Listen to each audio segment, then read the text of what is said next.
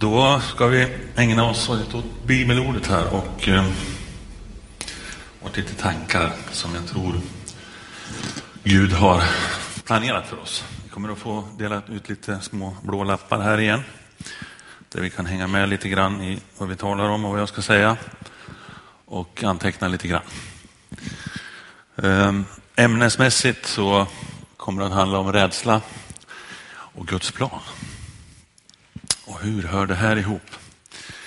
Ja, det kommer vi få förstå alldeles strax.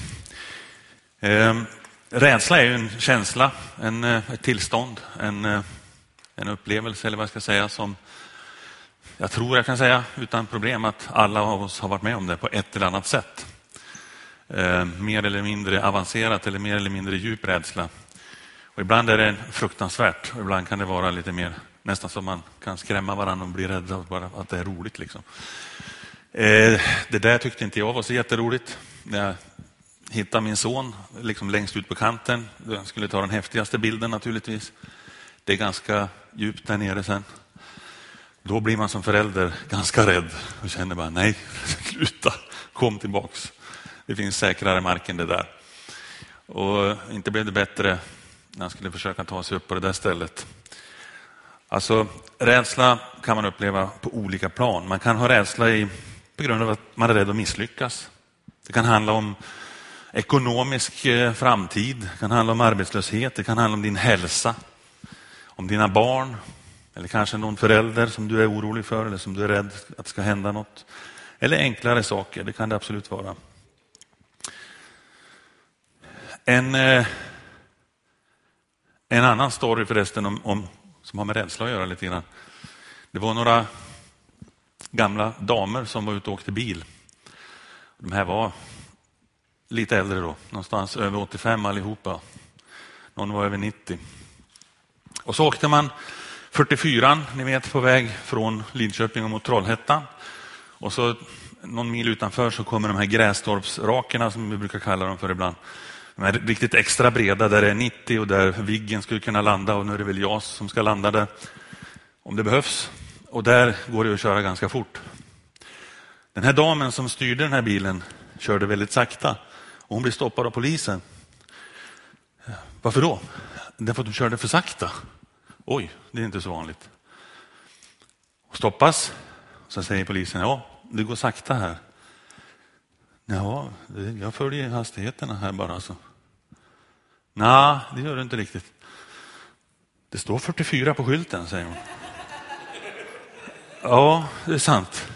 Men det där är vägnumret. Det är 90 här. Du ska köra 90, eller du kan köra lite mindre såklart, men du kan inte ligga på 44 här alltså. Men eh, så ser han den här polisen att i baksätet sitter ett par till damer som är kritvita i ansiktet. Vad är det frågan om? Varför är ni så oroliga? Vi kom ju från Vara alldeles nyss. Ni vet, vi åkte 187 från Vara. Och det är klart att det finns olika sätt att uppleva rädsla, som sagt. Rädsla kan ha en viss nytta för oss. Till exempel när det gäller att köra fort. Eller när det gäller någonting annat. Det där, skulle kunna, det där gjorde stor nytta för mig, rädsla, därför att jag tog ju vara på tillfället och försökte rädda folket som höll på att gå under där. Och för min egen del, på grund av en viss rädsla för vad som kan hända, så håller man sig ifrån. Man aktar sig för faror, så att rädsla har en funktion. Det finns en poäng med att vi kan bli rädda lite nu och då. Men rädslan är också med och i våra liv sticker iväg med hoppet. Sticker iväg med vår glädje ibland och sticker iväg med möjligheter för framtida utveckling och sånt. Så här står det i Jeremia 29 och 11. Jag vet vilka tankar jag har för er, nämligen fridens tankar, inte ofärdens, för att ge er en framtid och ett hopp. Och det där ordet tankar där uppe på svenska översätts på ett annat sätt i andra översättningar. Här står det planer. I know the plans I have for you, står det där. Jag vet vilka planer jag har, för jag har planer för er. Jag har planer, jag har tankar för er, säger Gud. Någonting högre helt enkelt än vad vi själva kan komma på. Och jag tror att Gud har planer. Det är inget dramatiskt i det jag säger nu. Jag tror att Gud har stora planer för dig och för den här församlingen. Sen undrar jag och funderar ibland på, kan det vara så att vi i den här kyrkan och i pingstförsamlingen i Lidköping med dess olika platser utanför har nått liksom toppen. Så att vi just nu pikar och det går inte att uppleva mer tillsammans med Gud. Kan det vara så? Det kan inte det. Tror ni att det finns mer? Vad bra. För det är fullständigt omöjligt att det här är toppen i mina ögon. Det måste finnas mycket mer och mycket högre vi kan nå. Mycket mer som kan hända.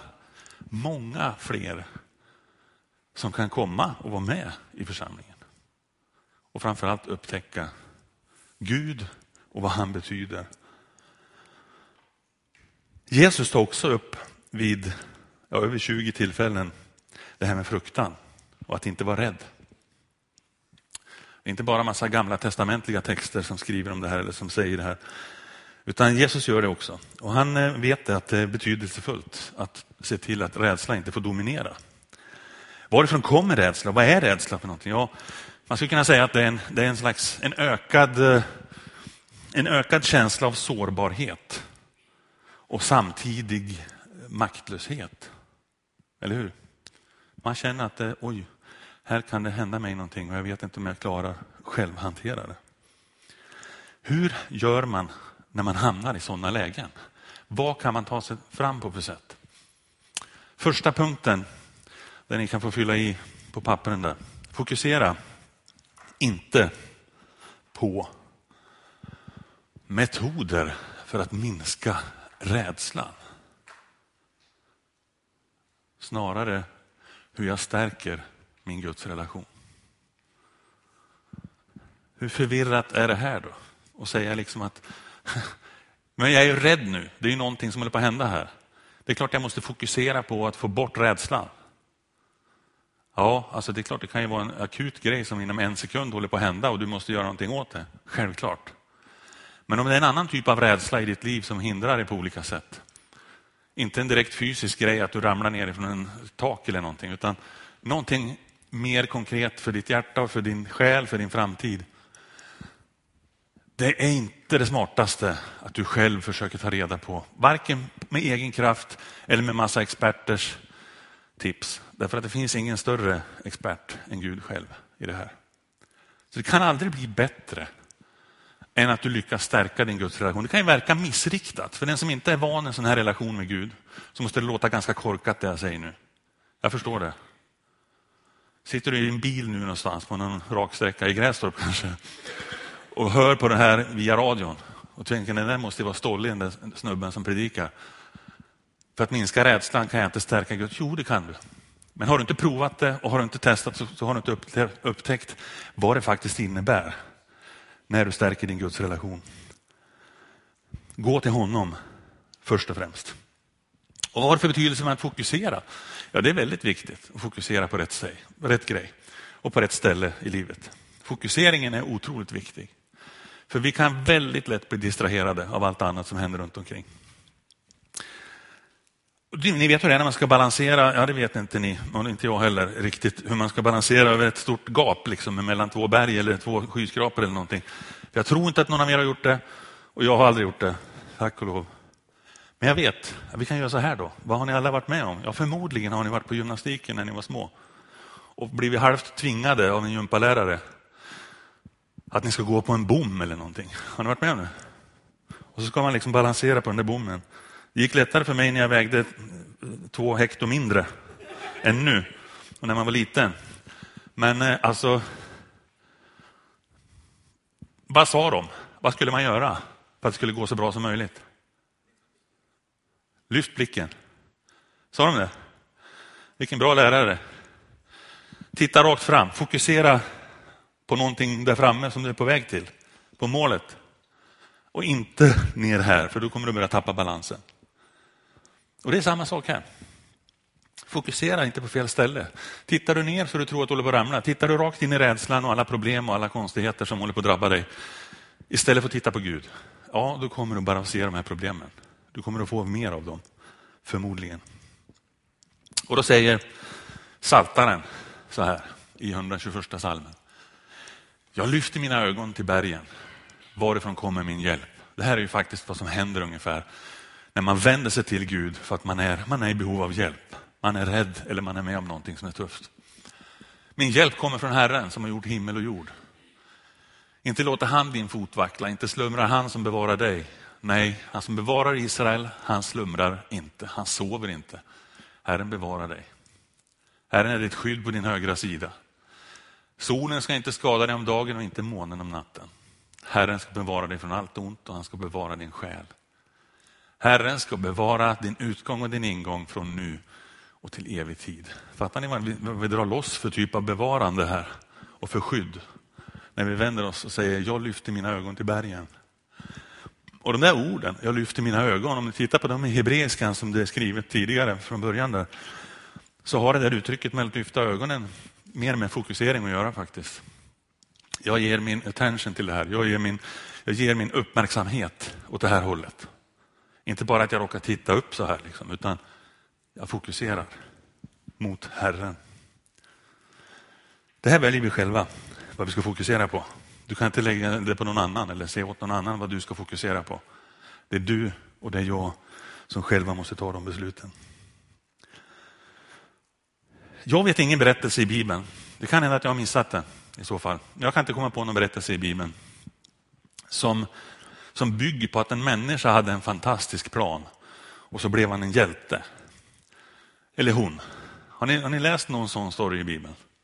Jag tror inte att det finns. Utan det är Gud som kommer med planerna. Och rädsla, det är ett av de stora hindren faktiskt. För att vi ska fullgöra Guds plan för våra liv. Jag vill nämligen påstå att allting som Gud leder oss in i kommer mer eller mindre, eller åtminstone i regel, att initialt innehålla någon form av rädsla. När Gud tar dig in i ett nytt skede i ditt liv, en ny uppgift, någonting nytt du ska göra, du ska flytta, du ska byta jobb, det ska vara något annat som händer. Det kan alltid finnas, och det brukar finnas, en rädsle, ett rädsleinslag på något sätt i början av det. Även fast det är han som gör det åt oss. Det, man blir nervös nästan när man ser hur många som var rädda i Bibeln. Alltså tittar vi på, tittar vi på Mose till exempel. Han hamnade en vardag vid en buske som började brinna. Gud var där, han tog honom till någonting helt nytt. Han fick ta ett steg, han fick ta ett beslut och, och välja att gå tillsammans med honom. Men det, det, var inte det enklaste, det hade lite hinder. Det kan vi ta senare. Det började med ett steg i alla fall. Noa likadant. Det var inte hans planer att bygga en ark. Det hade ju verkat hur konstigt som helst och det gjorde det ändå när Gud sa det också. Men han tog steget fast det var jättekonstigt för folk runt omkring. Och det var rätt. Det visade sig vara rätt. Davids succé, det började med en steg det också. Han beslutade att bära lunchen till sina syskon och det drog igång en stor grej. Maria, inte planerade hon själv att bli gravid. Det var Gud som gjorde ett ingrepp där. Hon tog steget och sa ja, jag går med på det här. Filippos, han gick till vägen mellan Jerusalem och Gaza. Han blev kallad, anden sa till honom att gå dit. Ja visst, han gick. Han tog steget.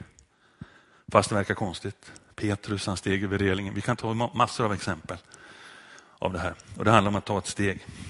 Men vad är det som ska fyllas i där då? Jo, rädsla och bekvämlighet hindrar mig från nya dimensioner med Gud. Gud har tankar, planer som är mycket större. Men de här grejerna, det är faktiskt saker som, som är rätt så vanliga som hinder för oss. Vi är rädda för någonting. Vad, vad ska vi komma in i nu? Liksom? Och vi kanske är för bekväma i att vi vet läget just nu och det är helt okej okay, det jag har just nu. Ibland hör man sådana uttryck som att jag är kristen och jag har ett otroligt innehållsrikt liv. Jag har ett spännande liv därför att jag tror på Gud. Det är väldigt häftigt. Och så sitter någon annan och säger, jag har varit kristen ganska länge. Uh, uh, ja, jag vet inte hur jättespännande och, och, och så det är för mig. Men uh, jag tänker vara det och det känns okej. Okay. Men ja, ibland kan man inte riktigt köpa alla sådana här klyschor man hör för att man tycker att det här är bara något som folk säger. Men det är inte det. Utan det är saker som folk har varit med om. Det är saker som har, har liksom lyft deras livsnivå stort. Man kan säga så här, att om du vill ha ett monotont liv, om du vill ha ett händelsefattigt ekorrhjul, så eh, det finns enkla mediciner för det. det. Be inte om att Guds plan ska ske i ditt liv. Då behöver du inte vara så jätteorolig. Då kan det bli ett stort ekorrhjul alltihopa. Och för, skulle du be om det, följ för allt i världen inte det han har sagt. Då kommer det inte bli något tråkigt ekorrhjul. Då kommer det kunna hända saker. Det är faktiskt sanningen. Sagt från någon som upplevt det själv. Och sen får du tycka eller tro vad du vill. Så är det i mitt liv. Och många med mig som har berättat om det. Då tänker du så här kanske, vadå? Eh, måste det bli en virvelvind av mitt liv bara för att jag följer Guds plan? Är Guds plan någonting som gör att man liksom, allting kastas omkull och man åker åt alla håll och kanter? Och, nej, det är inte säkert alls. Alltså, du kan ju ha ett hur lugnt liv som helst ändå. Men det sker ju på något sätt på en annan nivå. Det är en annan dimension som finns med i ditt liv. Du behöver inte tänka så. Att, ja, men om, om jag säger att Guds plan ska ske i mitt liv, ja, då måste jag kasta allting som jag håller på med och göra massa saker som jag aldrig skulle vilja göra. Det kan hända att du kan, du kan tänka så först och det kan hända att en sån sak händer till att börja med. Men då beror det på att Gud vet att det här kommer du att älska och gilla om ett tag. Och du har inte fattat det själv bara än. Men han vet bättre. Han ser alltid liksom runt hörnet. Det som inte vi har en chans att göra, utan vi ser bara poff, det här är, det här är våran värld. Ja, vad bra. Han har sitt gudomliga perspektiv och ser liksom det här kommer att hända. Okej. Okay. Vill du lyssna? Nej, jag vill inte lyssna. Nej, jag, vet ju vad jag har här. Liksom. Okej. Okay. Vi struntar väl i det här då. Du får väl gå i ditt ekorrhjul. Jag vet, vi pratade i veckan om, om det här lite grann på pastorsbönen som vi hade mellan olika pastorer. Då, då bland annat Karina som jag ser sitter här berätta om hur anden förändrade för dig. Du hade inte någon koll på den heliga ande förstod jag det som innan. Och sen fick du möta det och fick uppleva ett dop i den heliga ande. Och det varit en helt annan dimension i livet. Det är också en sån här post och punkt som är jätteviktig. Det handlar inte, allt handlar inte bara om rädsla eller, eller modighet här, utan det handlar om andra saker också. Men det gjorde ju någonting. Det förde också till en ny dimension. Okej, okay. de här olika personerna vi pratade om nyss, Mose och, och gänget där. De var ju faktiskt också väldigt rädda under en period. Adam, det började ju ganska tidigt där. En av de första överhuvudtaget, va? Eh, kanske allra första då om vi ska följa vad som står där. Jag blev rädd när jag hörde ljudet av dig i lustgården, säger han till Gud. Det kommer den första jag har läst om i Bibeln som blir rädd. Och det är också den första människan, så det kommer ju direkt. liksom. Lärjungarna de blev livrädda flera gånger. Tänk när de satt i båten. Tänk när, Gud, eller när, när, när Jesus hade dött på, på korset och, och de springer upp i den övre salen och sitter där och är livrädda. De låser dörren om sig. Så rädda var de. Lärjungarna i ett senare tillfälle, de fick vara med också om dopet i anden. Och då hände det otroligt stora saker och stora skillnader för dem. Gabriel kom till Maria, vart hon rädd? Ja, han var tvungen att säga, var inte rädd. Var inte rädd, du behöver inte det. Änglarna, en hel kör med änglar som kommer till herdarna när Jesus skulle födas. Vad står det? Att de blev rädda. Det är inte klokt egentligen vad många som var rädda i Bibeln. Petrus, när han såg hur stark vinden var, blev han rädd. Det är sjukt vad många som var rädda i Bibeln. Men det hände någonting. Det stannade inte där för dem. Utan de var beredda att gå vidare tillsammans med honom. Okej? Okay. Tror vi på allvar att Gud sitter där och försöker komma på de sämsta planerna för oss? då har vi inte lärt känna Gud särskilt mycket. Eller? Vad skyller vi på?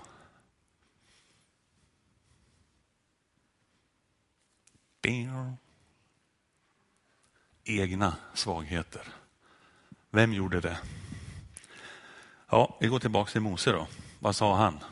När Gud kommer till honom och kallar honom till ett gigantiskt uppdrag. Jag kan förstå att han blev rädd av flera skäl. Men det är nästan svårt att fatta att han, nej det är det inte. Jag kan fatta att han blev så rädd så att han gång på gång hitta på olika grejer som han skyller på för att slippa göra det här. För han kan inte tänka sig att han ska klara av det här. Vem är jag, säger han. Det här står om i Mose, andra Mosebok från tredje kapitlet. Jag ska inte läsa alla verserna där, men fjärde kapitlet en del saker jag ska säga här.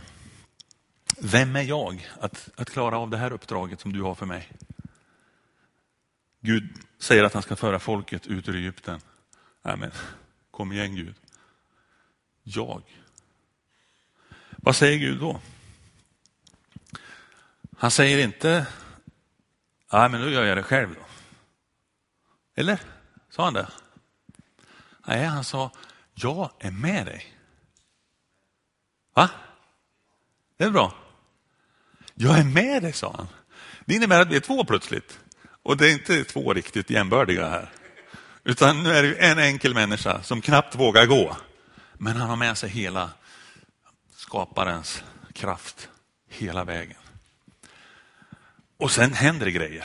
Han säger liksom, men hur ska jag det här, det här går, jag kommer ju inte att kunna, tänk om de inte tror på mig. Hörru, vad har du i handen? Jag har en stav. Okej, okay. släng staven till marken. Tjoff, och så blir det en orm. Och han bara, vad är det här? Menar, Gud visar att jag är med dig och det här, jag, kan, jag kan klara det här. Liksom. Det här är saker som du inte klarar av. Men jag är med dig. Och så händer det fler grejer då som han visar att han är med. Jag är så dålig på att prata, kommer han på sen. Vänta nu. Det spelar ingen roll om jag kommer med stavar och kastar ormar på folk. Eh, jag kan ju inte prata. Nej, jag kan inte prata heller, säger Gud.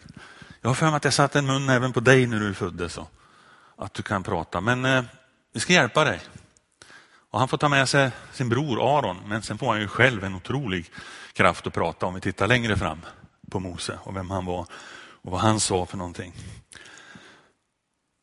Tänk när senare, i ett läge när de kommer till Röda havet, när de står där och vet inte, hur ska vi lösa det här? Vad skulle han ha gjort om han inte hade vandrat med en Gud som kommer med övernaturliga förslag? Vem hade kommit på att ta en stav och räcka upp den så här och så skulle det ha delat ett hav? Men det är klart att det var inte staven som delade havet, det var Gud. Men han var tvungen att göra det här därför att han gick tillsammans med Gud. Så de gjorde det här ihop. Och det är sånt som Gud vill göra ihop med dig och mig också. Så vi behöver våga ta steg in i det okända. För i det fjärde skulle jag vilja säga så här, vi vet vad vi har, men inte vad vi får. Har du känt så själv någon gång? Har du tagit några sådana beslut i ditt liv då du har bestämt dig för att nej, äh, jag vet inte riktigt vad det här kommer att innebära. Men vi vet ju vad vi har. Vi vet ju hur bra det funkar. Va? Om du är på semester i något spännande land med hur fantastiska maträtter som helst. Oh, jag såg ett McDonalds här borta. Va? Alltså, jag vet ju, jag vet ju, vad det, jag vet ju hur det smakar där. Jag vet ju vad vi får på McDonalds. Och så är din eh, kulinariska upplevelse i livet jättemycket bredare innan du kommer hem. Du tog samma mat som vanligt. För du visste vad du fick. Vi har ett trygghetsbeteende och en känsla många gånger av att vi måste, vi måste göra på det här sättet därför att oh, annars så känner jag mig inte riktigt säker. Och Det kanske kan vara bra ibland. Jag säger inte att man alltid måste göra något nytt. Det kan ju vara det smartaste ibland. Men eh, är det alltid det smartaste? Nej, det tror jag inte däremot. Ta ett första steg. Jag menar, livet med Jesus har ständigt utmaningar. Be om frimodighet. Be om frimodighet för, för dina ledare. Be om frimodighet för församlingsledarrådet i den här församlingen. Vi kommer att måste kliva ut på Guds ord, på kallelser, på utmaningar som är utanför relingen och som kanske är utanför budgeten. När vi ska satsa i, i, i vår här sen nästa år på, på Staxet, Sebastian Staxet-kampanjen här. Det är inte riktigt våra normala budgetar alls kan jag säga. Det kräver någonting av våran tro att våga gå ut och göra någonting extra och göra någonting mer därför att vi vill någonting mer. Vi vill se någonting nytt hända. Då måste vi ta nya steg. Då måste vi våga ta beslut där inte allting redan är färdigt och det bara finns för fixa. Ja, men vi har redan räknat in det här och vi är klara med alltihop. Ja, säger Gud i så fall. Det är jag ganska övertygad om. Ja, men då måste ni göra något nytt, någonting ännu mer. Jag är beredd att stötta upp er. Jag är med er. Lägg inte begränsningarna på det du redan klarar av och det du redan vet att du har räknat hem. Om din gudsbild är liten så blir det inte lika bra. Så är det bara. Det är många människor som vill uppleva häftiga moment i livet på grund av att Gud har planerat vägen. Han har varit där och förberett saker och det här vill man uppleva. Men många kommer ändå aldrig att uppleva det. Därför att man släpper inte sin egen kontroll. Man är inte rädd. Man är rädd, man vill inte gå vidare. Därför att det är tryggare som det är nu. Och om din gudsbild är för liten, vilket den ju ganska säkert är, min också. För vi kommer nog aldrig att fatta riktigt hur stor Gud är. Så den är väl nästan alltid för liten hur vi än tänker om honom. Men är den allt för liten, då kommer du att fortsätta hålla fast vid dina prylar istället för att vara generös. Är gudsbilden alldeles för liten så kommer du att oroa dig istället för att be. Och du kommer hamna i, i den övre salen. Mycket längre än vad du behöver. Du kommer att sitta kvar i båten istället för att uppleva att gå ut med, med honom. Och är gudsbilden alldeles för liten så kommer du att gömma dig i öknen som Mose gjorde ganska länge och skylla på allt möjligt. Be Gud om ett nytt steg i ditt liv med honom. Med oss som församling. Våga ta hans utmaningar på allvar. Och tänk dig att det är mer eller mindre en tröskel där, där du kan visa, jag tar det här steget Gud. Jag vill utmana min rädsla. Jag är beredd för jag vill gå lite längre än vad jag har gjort förut. Amen. Tack Herre att vi får ha dig med oss i det vi gör. Tackar dig Herre att du har planer för oss som är så mycket större än vad våra är. Hjälp oss Herre att se den relation som finns mellan dina planer och våra planer. våran connection där Herre, att se till att våga lyssna på dig. Att våga ta steg där du har gått före. Där du har tänkt att ja, jag kommer att bistå, men inte förrän du går. Tack Gud att du leder oss in i det. Hjälp oss att fatta det. Vi måste ta stegen innan du fyller på med kraften. Amen.